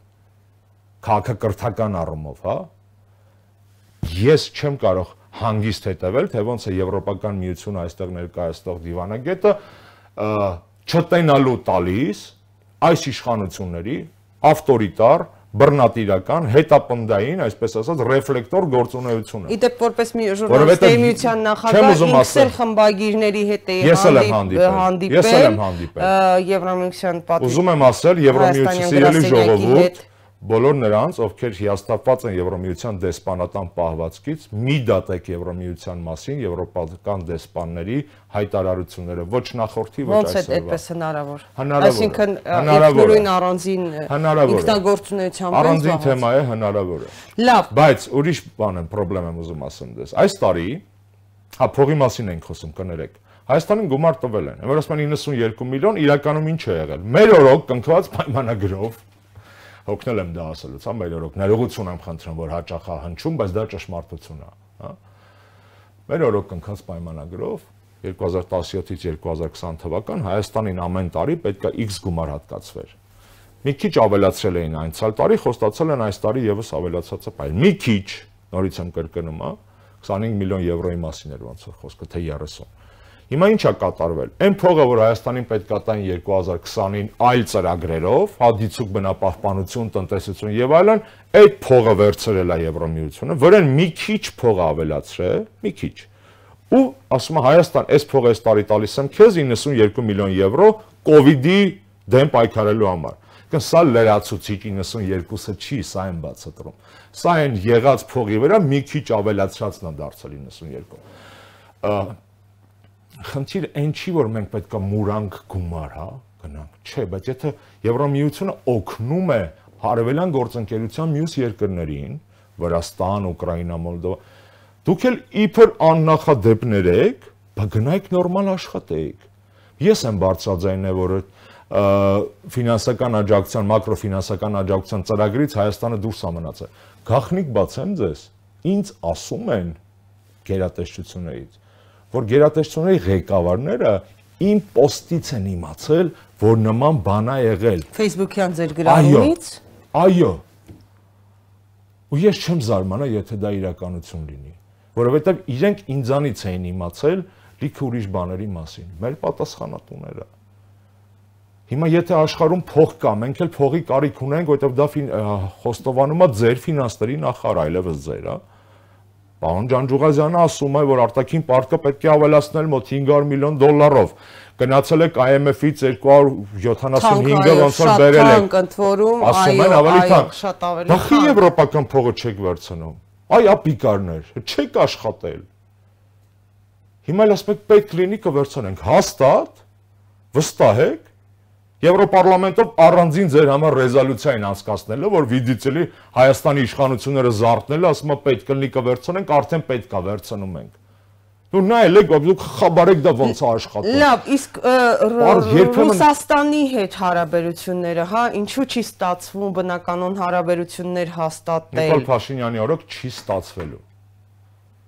չի ստացվելու մի քանի պատճառներով։ Առաջինը ամենասկզբից բոլորս գիտենք, փողոցից եկած իշխանությունը Ռուսաստանում չեն սիրում, ինչպես նաև չեն սիրում Չինաստանում, Իրանում եւ այլն երկրներ կա, որտեղ փողոցից եկած իշխանությունը չեն սիրում։ Այս իշխանությունը սկսեց սիրաշահել Մոսկվային։ Մի կողմից սիրաշահում էր, մի կողմից մուննաթ էր գալի, մի կողմից վնասում էր։ Երբ Լուկաշենկոյի հայտարարությունն էլ տեսանք։ Հիմա ստեղ ստեղ ուրիշ հետաքրքիր թեմա է բացվում։ Ռուսաստանին այլևս Նիկոլ Փաշյան սիրաշահել չի կարող։ Չի կարող, այսինքն հասնել բանակցությունների, որ կարողանա հաջողացնել գոնե գազի գինը գազի պահպանվի չթանկանա։ Գիտեք, խնդիրը շատ ավելի գազը դրա արտահայտումներից դե մեկն է։ Դե քաղաքականություն է։ Լավրով տեսանք, Լավրովի հայտարարությունը տեսանք։ Բայց գազը Ռուսաստանի ձեռքին քաղաքականություն է լծակ քաղաքական։ Միանշանակ, բայց դա գազի մասը միջև գազին անցնելը կներեք էլի։ Ուրիշ բան եմ ուզում ասել ռուսները շատ լավ գիտեն, չէ՞ որ Նիկոլ Փաշինյանի շրջապատի մի զգալի մասը ոչ միայն հակառուսական է եղել, այլ միչև հիմա ստեղ այնտեղ պսպսում են, ասում են, հեսա Պուտինը գնալու է, ուրիշ մենք ուրիշ Ռուսաստան ենք ունենալու։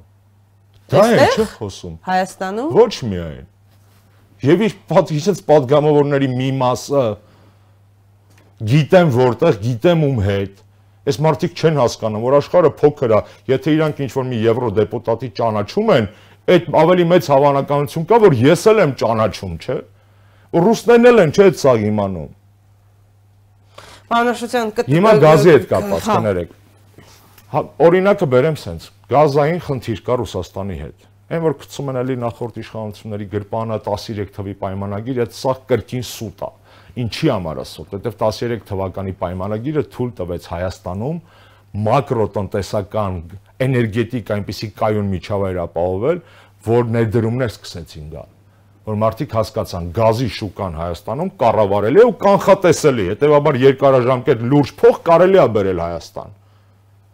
Եվ սոցիալական առումով նաև այդ պայմանագիրը թույլ տվեց մեր 100 հազարավոր քաղաքացիներին էժան գազ ստանալ։ Այդ իրանց խնդիրն է, որ մեր օրոք փաստացի գազը նստում էր 135 դոլարից հիմա 165-ով են իրենք առնում։ Այդ իրենց խնդիրն է, այդ մեր խնդրեմը չի։ Այդ մեքենան քշել չգիտեք, իջեք տղերք, բայց նախորդ վարորդներին մի մեղադրեք։ Մի մեղադրեք։ Հիմա գազին այսօրվա վիճակին Այսեք, գազային խնդիր կա, ինչա փորձում անել Փաշինյանը, մա դիցուկ դուք ունեք iPhone։ Ես այդ iPhone-ի կարիք ունեմ։ Չեմ կարող ձեզ այդ լեզու գտնեմ, չգիտեմ ոնց անեմ, ապիկ կարեմ։ Չի ստացվում։ Ես կարամ այս ստուդիայում գտնվող տղերքին ասեմ, Տղեկ ջան, եկեք միասին որոշենք, որ Սաթիկը ինձ պետք է iPhone տա, տիկին Սաթիկը։ Լուկաշենկոյի հետ բանը հերախոսազրույցն եք ասում։ Ոչ միայն, այո, նաև վերջ ոնց կարելի է երկկողմ հարաբերություններում եղած քո ռազմավարական դաշնակցի հետ խնդիրը, երբ որ դու ուզում ես գազ, հա ես ձեզ iPhone-ի վրա օրինակը բեր, փոխանակ այսպես բանակցենք, փորձեմ հարցը տանել երկկողմ հարաբերությունից վերև, վերազգային տիրույթ։ Ու ինքը լուրջ մտածում է, որ ինքը հաջողելու է գազի հետ բանակցություններում ռուսների հետ եվրասիական մակարդակով։ Ես անկեղծ ասած զարմացա ինչից նաև, էլի, որովհետև հիշում եք պատասխան պահանջող հայացքով լուսանկարները որը հայկական ժամանակում տպագրվել էր եւ ներողություն եւ նաեւ Լուկաշենկոյի շատ կոշտ հակադարձումները։ Ես չհասկացա դրանից հետո առավել եւս որ Նիկոլ Փաշինյանը անընդհատ են անպատասխան։ Այո, անընդհատ Նիկոլ Փաշինյանը նշում էր թե ինչպիսի լավ աննախադեպ լավ հարաբերություններ են ի վերջո ամեն ինչ արեց որ այդ հարաբերությունները լավը լինեն, հա, Սիրիազոր խումբ ուղարկելով սակրավորներ եւ այլն խումբ ուղարկելով ամեն ինչ արեց այդ ամենից հետո ֆրանսիական մի ասացված կա, որով եթե թարգմանենք սենց հանջում, ասում է եթե շունն ու կատոն ընկերություն են անում, ուրեմն հաստատ խոհարարի դեմ է։ Կարողացա բացատրել։ Խոհարարի դիմաց, այսինքն։ Հաստատ խոհարարին դեմ է այդ հա, ընկերությունը։ երբ որ դուք զարմանում եք, թե ինչու է Փաշինյանը Լուկաշենկոյի հետ այդ ամեն ինչը մի կողմ դրած, հա զենքի, պանրող հայացքի, այդ եւ այլն, հա Լուկաշենկոյի պատասխան դրանից մի կողմ փորձում է երկուսով Պուտինին թույլատնեն կամ ինչ-որ բան փոկեն Պուտինից, այդ հասածվածն եմ ես հիշում ֆրանսիական, հա։ Երբ որ շունը ընկերություն անում կատվի հետ, դա հաստատ խոհարարի դեմ է ուղված։ Հիմա ես էլ դա եմ ասում, իմ բերած օրինակը դա էր։ Երեք օրինակ ազգային ժողովի նախկին փոխնախագահ Արա Սահակյանի հարցազրույցների լսում շատ ճիշտ հարց բարձրացրեց որպես նախկին նաև դիվանագետ, որպես դեսպան նախկին, ասաց Ռուսաստանին ենք ասում, որ ինչու էս գազը թանկացնում ու ամոթանք տվեց այո ամոթ Ռուսաստան որ թանկացնում ես գազը ռազմավարական քո գործընկերոջ այն էլ այս սոցիալական ծանր պայմաններում կորոնավիրուսով պայմանավորված համավարակի պայմաններում բայց ասում է այդ դեպքում մեր կառավարությունը ինչու է գույքահարկը թանկացնում նրան ասում ենք ամոթ, որ թանկացնում է իր գազը, իր ապրանքը, մենք մեր կառավարությանը չասենք ամոթ։ Ճիշտ չի հարցը բարձրացնում։ Ինչու է։ Կարա լինի այդ այդ փաստարկն էլ իրավունք ունի։ Այսինքն մենք Ռուսաստանից Ռուսաստանից դժգոհում ենք նման վարկ ցուցաբերելու համար, բայց մեր իշխանություններին ինչ որ ասում ենք Բա պետք է դա։ Դե կարանք այդ թեման շարունակենք, բա պարտադիր համատարած գույքագրման մասին իդեանումն է որ ուզում են անեն, հա։ Դե դա եմ ասում։ Չէ, այդ գույքագրումից են գույքարկից են կոմա եկամուտների պարտադիր համատարած հայտարարման ինստիտուտը ինչի համար է մտնում։ Իդեպ չեն էլ հայտարարել, գիտեք, շատ падգամավորներ գործող իշխանության չեն, պաշտոնյաներ չեն հայտարարել, չեն ներկայացրել։ Ինչ, անենց կոռուպցիոն սկանդալներ է պայթելու։ Կոռուպցիոն սկանդալներ ասեցիք Վատիկանում Հայաստանի նախկին դեսպան Միքայել Մինասյանի տեսա տեսահոլովակ ասեմ տեսա ուղերձներ ասեմ, ուղերձները բավական լուրջ արձագանք են ստացել։ Վերջինը զենքի, զենք զինամթերքի հետ կապված դա ինչ այդ հայտարարությունը, որը լուրջ մեղադրանքներ էր պարունակում ուղված գործող իշխանություններին ինչ հետևանքներ կարող է ունենալ Հայաստանի համար, որովհետև ի վերջո Հայաստանը արտոնյալ պայմաններով զենք զինամթերք է ձեռք բերել եւ կարող է ձեռք բերել Ռուսաստանից գործարանային գներով։ Հիմա այս այս պատմությունից հետո, որը ներկայացրեց Միքայել Մինասյանը, իդեպ նաեւ որը ներկայացրեց Միքայել Մինասյանը, ինչ հետևանքներ կարող է ունենալ Ռուսաստանի հետ այս փոխհարաբերություններում անվտանգային հարցերի առումով պաշտպանական։ Իդեպ հերոստադիտողին նաև տեղեկացնեմ, որ փաստաբան Միքայել Մինասյանի փաստաբան Միհրան Պողոսյանը Facebook-յան իր էջում գրառում էր կատարել, որով նա նշել էր, որ վերաքննիչ դատարանը նախագահությամբ դատավոր Սերգեյ Մարաբյանի վերացրեց Սուրբ Աթոռում նախկին դեսպան Միքայել Մինասյանին կալանավորելու վերաբերյալ Երևան քաղաքի առաջին ատյանի ընդհանուր իրավասության դատանի դատավոր Արտուշ Գաբրելյանի որոշումը։ Սա էլ հետաքրքիր որոշում էր իհարկե։ Խնդրեմ, ինչ հետևանքներ կարող է ունենալ։ Վաղը խնդիրներ ունենանք, մենք պետք է զենք սինամթերք ձեռք բերենք։ Բոլոր տեսակի բացահայտումներից հետո խնդիր պետք է այնպես անել, որ խնդիրներ ունենա ոչ թե Հայաստան, այլ Նիկոլ Փաշինյան։ Կարողացա բացատրել տարբերությունը։ Երկիրը չպետք է տուժի, որ երկրի ղեկավարը իրեն թույլ է տալիս համենայն դեպս առնչվել կամ թույլ է տալիս իր անունը շաղախել կոռուպցիոն սկանդալների մեջ, հա։ Ռուսները մի հետաքրքիր, Ռուսաստանը մի հետաքրքիր ռազմավարություն ունի։ Նա դեռ փորձում է տարանջատել Նիկոլ Փաշինյանին Հայաստանից։ Այն իմաստով, որ վերաբերմունքը բացական վերաբերմունքը Նիկոլ Փաշինյանը չէ կամ հայ ժողովուրդը չէ։ Այո, այո, այդպես են իրենք։ Իրենք դեռ հաջողում են ու այդպես են ցույց տալիս, այսինքն իրենց քաղաքականությունը տարբեր է հայ ժողովրդի եւ Հայաստանի պետության հանդեպ եւ տարբեր է վերաբերմունքը տարբեր է Նիկոլ Փաշինյանի Այսինքն կարելի է հասկանալ որ լրում էր կամ ինչ որ բաներ ցույց չէր տալիս քանի դեռ տեսնում էր որ հայ ժողովրդի մեծ մաս կամ հասարակության զգալի մաս ունի համակրանք այս իշխանության նկատմամբ համակրանք կար կար դե դրա համար ասում առաջ ուներ համակրանք հիմա կար համակրանք ինչու ոչ միայն Ռուսաստանը ԱՄՆ-ն Եվրոմիությունը տեսնում էին որ Նիկոլ Փաշյանը բանի պետք չի արտաքին քաղաքականությունում հա ոչ մի բանի պետք չի։ Ինչու ձեն չէին անում բարձրաձայնը, որովհետև կարծում էին, որ Նիկոլ Փաշինյանը սատարում է ժողովուրդ, եթե Նիկոլին կպնեն, ժողովուրդը իրանց կկպնի, կստացվի, որ իրենց պահվածքով Ամերիկան հրահարում է հակամերիկյան դրամատրություններ Հայաստանում կամ Ռուսաստանը հակառուսական կամ Եվրամիությունը հակաեվրոպական, հա։ Սա էր պատճառը, որ ամսու տարի ու կեսը իրենք բավականին բոլորը տենց փորձում էին հասկացողի համար լեզվով, այսպես ասած, իշմարներով խոսել, հա, նշմարներով։ Հիմա այդպես չի լինելու։ Այդ բացահայտումները պատահական չեն, չէ։ Նորից կրկնեմ, Նիկոլ Փաշինյանը պետք է գնա օր առաջ, րոպե առաջ, ոտ առաջ, որպեսի իր հետ տանի, իր գործունեության հետ կապված կൂട്ടակված այն բերը, ամենակուլտուրական բառը ասեմ, որ չմնա Հայաստանի վրա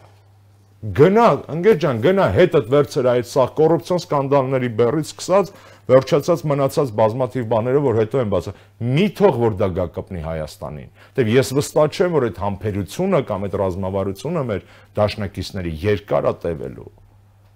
Ես վստահ չեմ դրանում։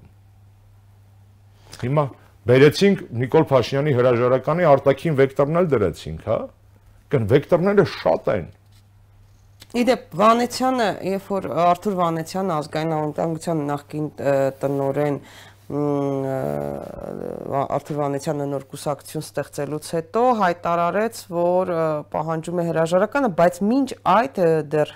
բավական ժամանակ առաջ, ամիսներ առաջ դուք Արթուր Վանեցյանին ներկայացրել եք մի քանի հարցեր, նշելով, որ միայն դրանց պատասխանելու դեպքում հնարավոր կլինի ձեր համագործակցությունը նրա հետ կամ նրա ստեղծ ստեղծելիք քաղաքական ուժի հետ։ Հիմա պատասխանել է որևէ ձևով ձեր հարցերին, թե ոչ ոչ ուղիղ պատասխան ես ես ակնկալել եմ հանրային պատասխան ես այդ հանրային պատասխանները չեմ տեսել ուղիղ հա ինչ որ ակնարկներ ինչ որ բաներ տեսել եմ փաթեթավորված պատասխաններ տեսել եմ ու ոչ բոլոր հարցերին ուրիշ բան եմ ուզում այս կապակցությամբ հա այս առիթով ասել 18 թվականի ապրիլից հետո ստեղծվեց պրոիշխանական հսկայական ճակատ որը քաղաքական առումով, որին քաղաքական առումով հակադրվում էր հանրապետականը ու մի քանի հանրային հասարակական նախաձեռնություններ adekvatներ եւ այլն փոքր էր էս այս քաղաքական այս ճամբարը փոքր էր մենք դիմադրում էինք մեզ ուտում էին խժռում էին մեզնից մարդ էին փախցնում մեզ ուզում էին կոտորել ու ոչնչացնել այս մի փոքր ջոկատը տարաբնույթը միասնական չի եղել հա ՀՀԿ պլյուս հա, ջոկատը այս ընթացքում տարիոկեսվա ընթացքում համալրվում է այս ճամբարը Նիկոլի կորցանարար հետևանքները տեսնող ճամբարում ավելանում են մարդիկ։ Հա? Հա, ձեր շարքերում, ձեզ կամ ձեր շուրջ, հա, նաև, հա։ Չէ, չէ, չէ, ճիշտ։ ՀՀԿ-ում ավելանում են մարդիկ, մենակ շաբաթական մի 15 հոգու ես եմ հանձնում տոմսը։ Ի նկատի ունեմ հակա Փաշինյանական բևերը, հակա իշխանական ճամբարում ավելանում են ուժեր դրանք հանրապետականի կողքը հա հանրապետականինը չէ հա բայց մյուս կողմից նորաստեղծ որոշ ուժերի ներկայացիչներ օրինակ իրենց գրառումներում ասում են նախկինների վերադարձը չի լինելու հիմա ոնց որ թել չեն ասում այդ մի մի պա ասում էին ընկել էին Նիկոլի ազդեցության տակ չէին հասկացել որ Նիկոլը իրանց կուտա տվել մի խոսքով այդ թեման հարթված է կարծում եմ կարծում եմ հասկացել են Հիմա ինչ եմ բացատրում։ Այս ճակատում, այս ճամբարում այն մարդկանց քանակով հասկանում են Նիկոլ Փաշինյանի կորցանարար հետևանքները Հայաստանի համար, մարդիկ են ավելանում։ Ֆրոնտա բացվում։ Հա մենք դեմ չենք։ Մենք միայն ուրախ ենք, անպայման չի դա լինի անպայման ՀՀԿ ասել ինչ որ գործիչ կամ ՀՀԿ-յա մեր, չէ։ Մեզ պետք է միավորի ոչ թե ատելությունը, որտեղ մենք չունենք ատելություն Նիկոլի հանդեպ։ Անկամ իմ շնորհավորանքի մեջ իր ծննդյան առիթով ատելություն չկար այդքանից հետո, հա։ Մեզ միավորում է անհանգստությունը այսօրվա Հայաստանի մասը համար եւ վաղվա Հայաստանի տեսլականը Նիկո Հայաստան առանց Նիկոլի, Հայաստան Նիկոլից հետո այս երկու կարճ կարգախոսներն է, եթե բանաձև եմ։ Հայաստան առանց Նիկոլի, Հայաստան Նիկոլից հետո։ Այս կարգախոսների տակ հավաքված են տարբեր քաղաքական ուժեր։ Գնեք մի հարցը Հիմա կոնկրետ Վանեցյանին անդրադառնանք։ Ես այդ հարցերի պատասխանը չեմ ստացել, բայց ես ուրիշ բան եմ ասում ասել։ Ես չեմ կարծում, որ մենք գտնվում ենք այն իրավիճակում, որ մի հատ էլ պետքա անդիմադիր դաշտում փոխադարձ հրաձգություն անենք։ Բացառված է։ Մենք դա երբեք առաջինը չենք արել ու չենք անելու։ Իրավիճակը երկրում այնքան լուրջ է, որ բոլոր գիտակից քաղաքական ուժերը պետք է մի կողմ դնեն այս պահին իրենց հնարավոր գաղափարական կամ միջանձնային տարաձայնությունները, ողջ սպեկտրը եւ ուժերը միավորեն հանուն ապագայի Հայաստանի, հանուն Հայաստանի ապագայի Այս տեսակետից մենք զերծ ենք մնացել ու մնալու ենք անդիմադիր դաշտում տարաձայնություններ հրահարելու, փոխադարձ հրաձգություններ մեկնարկելու, որովհետև դրանից տուժելու է Հայաստանը եւ շահելու է Նիկոլը։ Շատ բար, շատ ազնիվ անկեղծ ասում եմ։ Եթե մեր հանդեպ չեն եղել այս ընթացքում ոտնձգություններ անդիմադիր դաշտից, մենք երբեք առաջինը դա չենք արել ու չենք էլ անելու։ Ես հուսով եմ, բոլոր ստեղծվելի կամ վերահաստատվելի քաղաքական ուժերը այս տրամաբանության մեջ կտեղավորեն իրենց քաղաքական գործունեությունը։ Պարոն Աշտյան, եւ վերջին հարցը, որտեղ արդեն բավական երկար զրուցեցինք, ձեր դեմ հարուցված քրեական գործերն ինչ ընթացքի մեջ են, ին վերջո հասկանալի ինչ են ուզում իշխանությունները, ինչ խախտումներ եք թույլ տվել ձեր պաշտոնավարման տարիներին, ինչ են ուզում։ Գախնիկ չի, չէ, որ այս իշխանությունները առաջին իսկ օրվանից իշխանափոխության բոլորի վրա փորձում էին կոմպրոմատ գտնել, վերանները փակել, հատկապես նախորդ ռեժիմի կարկառուն ներկայացների, հատկապես միջև այսօր խոսացող իրենց խնդիրները իրենց երեսին ասող մարդկանց հանդեպ ես բնականաբար այդտեղ թոփում էի իրենց նախընտրությունների։ Մի քանի բան եմ փորձել այս ընթացքում անել։ Մի զավեշտալի գործ էին ուզում բացել դեռևս 2018-ին, սրա մասին երբեք չեմ բարձրաձայնել ոնց որ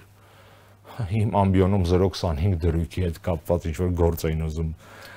որ ես բժշկականում ամբիոնում 10 գործ հա նախարար լինելով չեմ գնացել գործ աբսուրդ, հա, հետո այնքան աբսուրդ էր իրենք էլ դա հասկացան, որ աբսուրդ է, բրախեցին այդ գործը։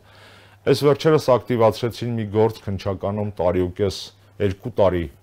այսպես ասած, գոյություն ունեցող գործ, մի հատ մեծ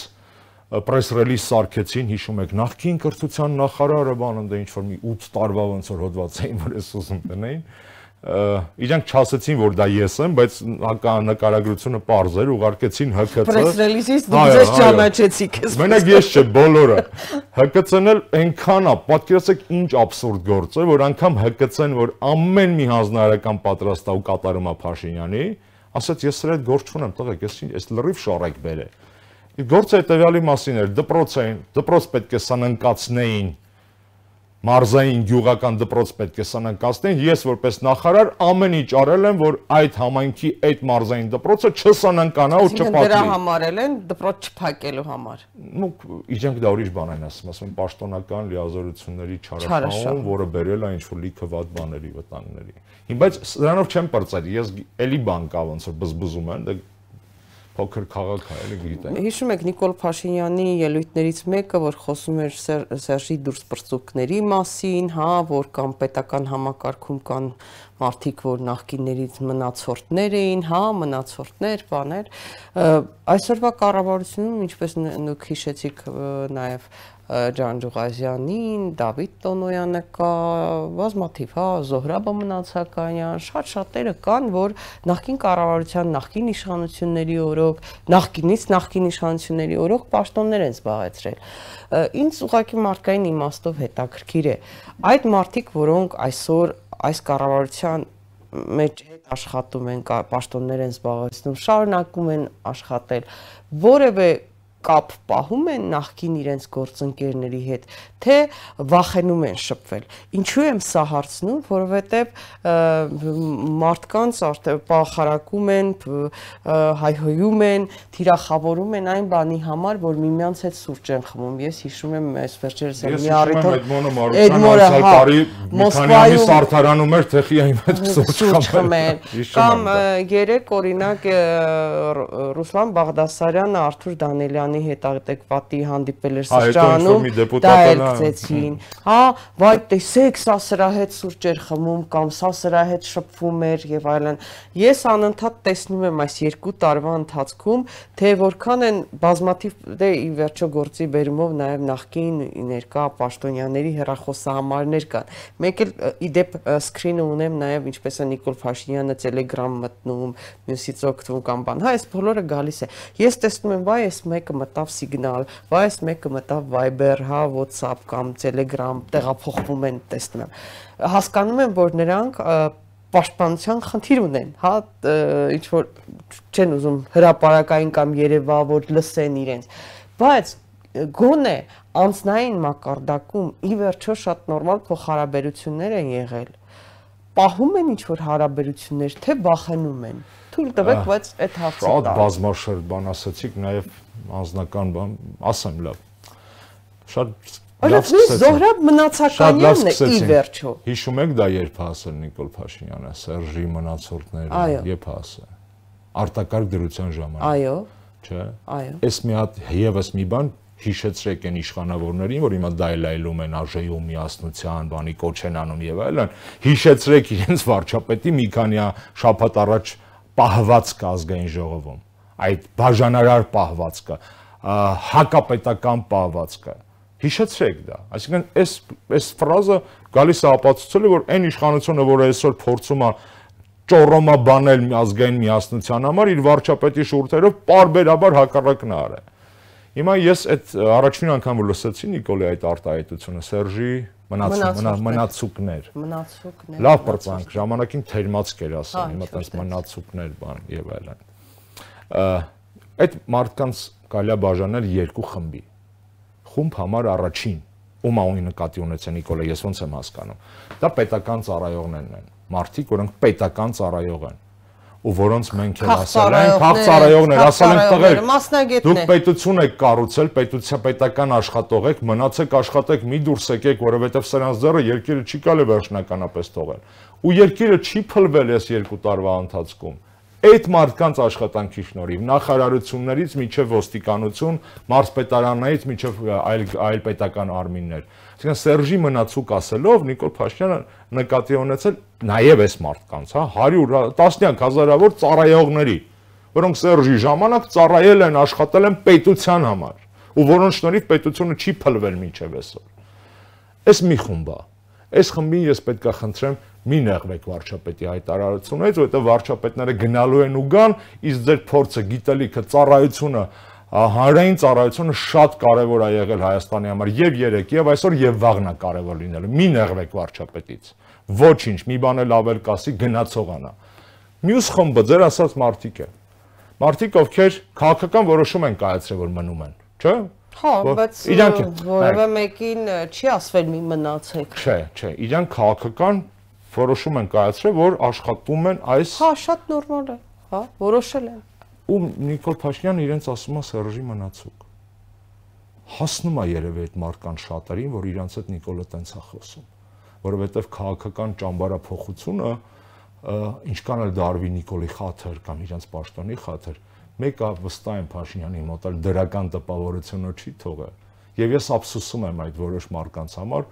որ հասցել են իրավիճակային աստիճանի, որ Փաշինյանը իրենց հետ այդպես է խոսում, բայց իրենք են դրա մեղավորը, ոչ թե Փաշինյանը։ Անձնական ծիրույթի մասին եք խոսում։ Ունեմ մարդիկ, ում հետ պատահական շփվել հա- ձեզ հետ։ Չէ, կան նաև դուխով տղեկ իրականում։ Հիմա հիմա չէ, ասել 2 տարի անց չէ դուխով շփվել։ Չէ, 2 տարի անց չէ, 6 ամիս առաջ էլ, մի տարի առաջ էլ կային։ Ավելին ասեմ, այս падգամավորների մեջ էլ քայլականներին ես բոլորին չեմ կպնում մեջներն էլ կան մարդիկում հետ հնարավոր էր եւ աշխատել, մի քանիսը շատ չէ, հա, 10-ից ավել չեն։ Եվ որոնց հետ մարդկային շփումը գոնե պահպանվել է, բայց դրանցից շատերն էլ են արդեն։ Սեր Սարգսյանը երբ է խոսելու։ Սեր Սարգսյանը հայտարարել է արտակարգ դրությունը վերացրեք պրես կոնֆերանս տամ։ Facebook-ում գրում են, որ արտակարգ դրությունը երկարացնում է։ Արտակարգ դրությունը վերացնի թե Նիկոլ Փաշինյանը դիմում գրի գնա։ Մնացածը մենք կորոշենք, ժողովուրդը կորոշի։ Եվ եթե թույլ տաք շատ կարճ նորից կրկնեմ, ջան, ձեր համար պահեք այդ կանոնները, առողջ եղեք, հետևեք ձեզ համերաշխությունը ձեզ հետ է, մենք իրար հետ ենք, խնդրում եմ ձեզ հետևեք առողջությանը ձեր, ձեր ընտանիքների, պինդ եղեք, ամուր եղեք, ավել պակաս էմոցիաները կներեք, բայց մտածեք այն ամեն ինչի մասին, ինչի շուրջ մենք խոսեցինք այսօր։ Շնորհակալ եմ պարոն Աշոտյան հետաքրքիր զրույցի համար հարգելի ռոստադիտող այսօր այսքան պրեսինգ հաղորդաշարում ես զրուցում եի Հայաստանի Հանրապետական Կուսակցության փոխնախագահ Արմեն Նաշոտյանի հետ։ Առայժմ